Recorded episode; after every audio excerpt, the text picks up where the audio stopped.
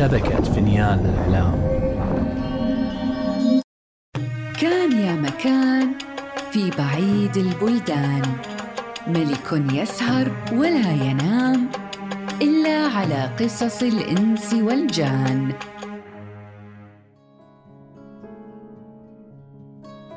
وبلغني أيضا أيها الملك السعيد أن الحجاج قد تحيل على الخادمة نعم وخطفها من محبوبها نعمة. وأرسلها للخليفة عبد الملك بن مروان في دمشق مع حاجبه. فلما وصل الحاجب إلى قصر الخليفة ومعه نعم استأذن على أمير المؤمنين فأذن له. فدخل الحاجب عليه وأخبره بخبر الخادمة التي أرسلها الحجاج كهدية. فأخلى الخليفة لها مقصورة ثم تقاعد لليوم فرأى أخته. فقال لها إن الحجاج قد أرسل لي خادمة من بنات ملوك الكوفة بعشرة آلاف دينار وأرسل إلي هذا الكتاب وهي صحبة الكتاب. فقالت له أخته زادك الله من فضله. ثم دخلت أخت الخليفة على نعم. فلما رأتها قالت والله ما خاب من أنت في منزله ولو كان عملك بمئة ألف دينار. يا صبيحة الوجه هذا قصر من من الملوك؟ وأي مدينة هذه المدينة؟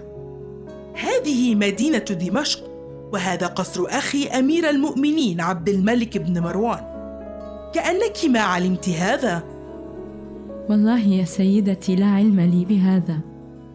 والذي أرسلك وقبض ثمنك. أما أعلمك بأن الخليفة قد استلم وكالتك؟ فلما سمعت نعم هذا الكلام سكبت دموعها وبكت.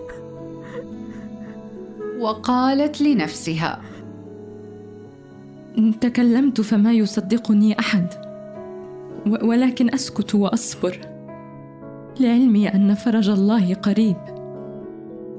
ثم إنها أطرقت رأسها حياء وقد احمرت خدودها من أثر السفر والشمس. فتركتها أخت الخليفة في ذلك اليوم وجاءتها في اليوم الثاني بقماش وقلائد من الجوهر وألبستها. فدخل عليها أمير المؤمنين وجلس إلى جانبها فقالت له أخته. انظر إلى هذه الخادمة التي كمل الله فيها من الحسن والجمال. فقال الخليفة لنعم.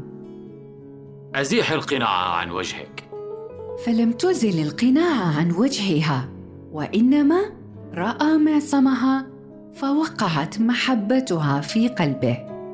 وقال لأخته لا أدخل عليها إلا بعد ثلاثة أيام. حتى تستأنس بك. ثم قام وخرج من عندها. فصارت نعم متفكرة في أمرها ومتحسرة على افتراقها عن حبيبها نعمه فلما أتى الليل ضعفت نعم بالحمى ولم تأكل ولم تشرب وتغير وجهها ومحاسنها. فعرفوا الخليفة بذلك فشق عليه أمرها ودخل عليها الأطباء وأهل البصائر فلم يعثر لها أحد على طب وهذا ما كان من أمرها. وأما ما كان من أمر نعمة فإنه أتى إلى داره وجلس على فراشه ونادى يا نعم يا نعم. فلم تجبه فقام مسرعا ونادى فلم يدخل عليه أحد. وكل خادمة بالبيت اختفت خوفا منه. فخرج نعمة إلى والدته فوجدها جالسة ويدها على خدها. فقال لها يا أمي أين نعم؟ فقالت له يا ولدي مع من هي أوثق مني؟ مع العجوز الصالحة؟ فإنها خرجت معها لتزور الفقراء وتعود. ومتى كان لها عادة بذلك؟ وفي أي وقت خرجت؟ قالت خرجت بكرة النهار. وكيف أذنت لها بذلك؟ فقالت له يا ولدي هي التي أشارت علي بذلك. لا تحزن فخادمتك لك غيرها. لا حول ولا قوة إلا بالله العلي العظيم. ثم خرج من بيته وهو غائب عن الوجود. ثم توجه إلى صاحب الشرطة فقال له أتحتال علي وتأخذ حبيبتي من داري؟ فقال صاحب الشرطة ومن حبيبتك؟ لم أعلم لك حبيبة. خادمتي إذن. نعم. لابد لي أن أسافر وأشتكيك إلى أمير المؤمنين. فقال صاحب الشرطة ومن أخذها؟ عجوز صفتها كذا وكذا وعليها ملبوس من الصوف وبيدها سبحة عدد حباتها ألوف. فقال له صاحب الشرطة أوقفني على العجوز وأنا أخلص لك خادمتك. ومن يعرف العجوز؟ فقال له صاحب الشرطة ما يعلم بالغيب إلا الله سبحانه وتعالى. وقد علم صاحب الشرطة أنها محتالة الحجاج. ما أعرف حاجتي إلا منك وبيني وبينك الحجاج. فقال له أمضي إلى من شئت. فتوجه نعمة إلى قصر الحجاج. وكان والداه من أكابر أهل الكوفة. فلما وصل إلى بيت الحجاج دخل حاجب الحجاج عليه وأعلمه بالقضية فقال له علي به الآن.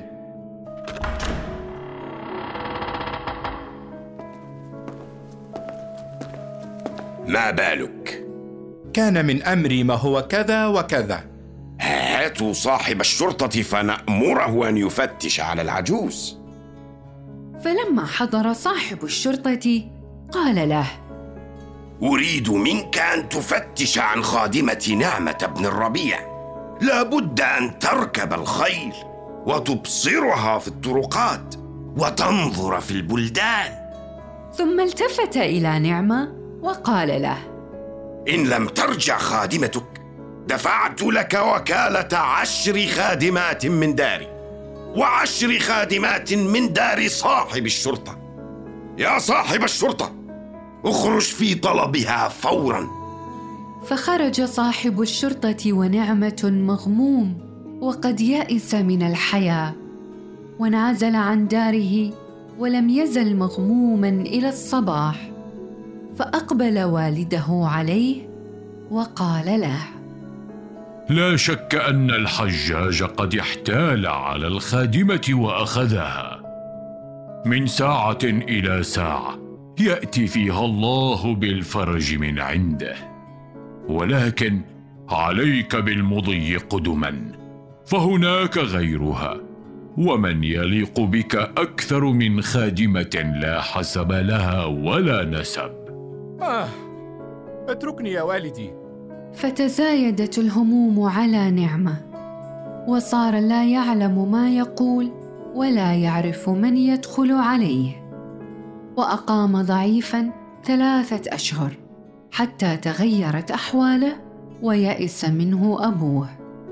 ودخلت عليه الأطباء فقالوا ما له دواء إلا الخادمة. آه يا ولدي.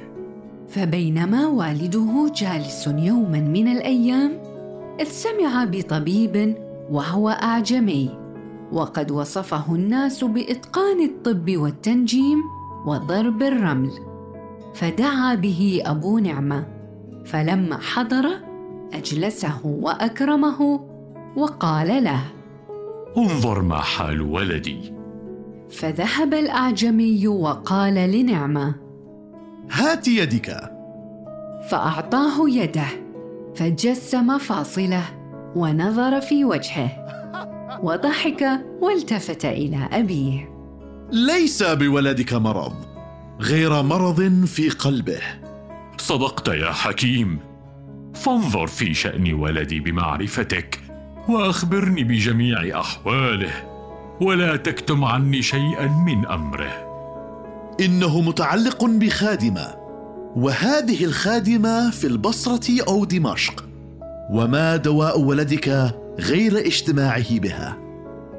ولا أمل أن ينساها؟ لا شوقه لها ليس من النوع الذي ينسى. حسنا اذا يا أعجمي إن جمعت بينهما فلك عندي ما يسرك. وتعش عمرك كله في المال والنعمة. إن هذا الأمر قريب وسهل. ثم التفت إلى نعمة وقال له لا بأس عليك فطب نفسا وقر عينا. يا أبتاه أخرج من مالك أربعة آلاف دينار. فأخرجها وسلمها للأعجمي فقال له الأعجمي أريد من ولدك أن يسافر معي إلى دمشق. ثم إن نعمة ودع والده ووالدته وسافر مع الحكيم إلى حلب فلم يقع على خبر نعم. ثم إنهما وصلا إلى دمشق وأقاما فيها ثلاثة أيام. وبعد ذلك أخذ الأعجمي دكانا وملأ رفوفها بالصيني النفيس. وزركش الرفوف بالذهب والقطع المثمنة وحط قدامه أواني من القناني فيها سائر الأدهان والأشربة ووضع حول القناني اقداحا من البلور وحط الاسطرلاب قدامه ولبس أثواب الحكمة والطب وأوقف بين يديه نعمة وألبسه قميصا وملوطا من الحرير. ثم قال الأعجمي لنعمة أنت من اليوم ولدي فلا تدعني إلا بأبيك وأنا لا أدعوك إلا بولدي. ثم إن أهل دمشق اجتمعوا على دكان الأعجمي ينظرون إلى حسن نعمة وإلى حسن الدكان والبضائع التي فيها. والعجمي يكلم نعمه بالفارسية ونعمه يكلمه كذلك بتلك اللغة لأنه كان يعرفها على عادة أولاد الأكابر. واشتهر ذلك العجمي عند أهل دمشق وجعلوا يصفون له الأوجاع وهو يعطيهم الأدوية. فبينما هو ذات يوم جالس إذ أقبلت عليه عجوز راكبة على حمار بردعته من الديباج المرصع بالجواهر فوقفت على دكان العجمي وقالت له أنت الطبيب العجمي الذي جئت من العراق؟ نعم أنا هو. فقالت اعلم أن لي بنتا وبها مرض. وأخرجت له قارورة فلما نظر العجمي إلى ما فوق القارورة قال لها. يا سيدتي ما اسم ابنتك؟ حتى أحسب لها نجمها وأعرف ساعة يوافقها فيها شرب الدواء. فقالت يا أخ الفرس اسمها نعم. وأدرك شهرزاد الصباح فسكتت عن الكلام المباح.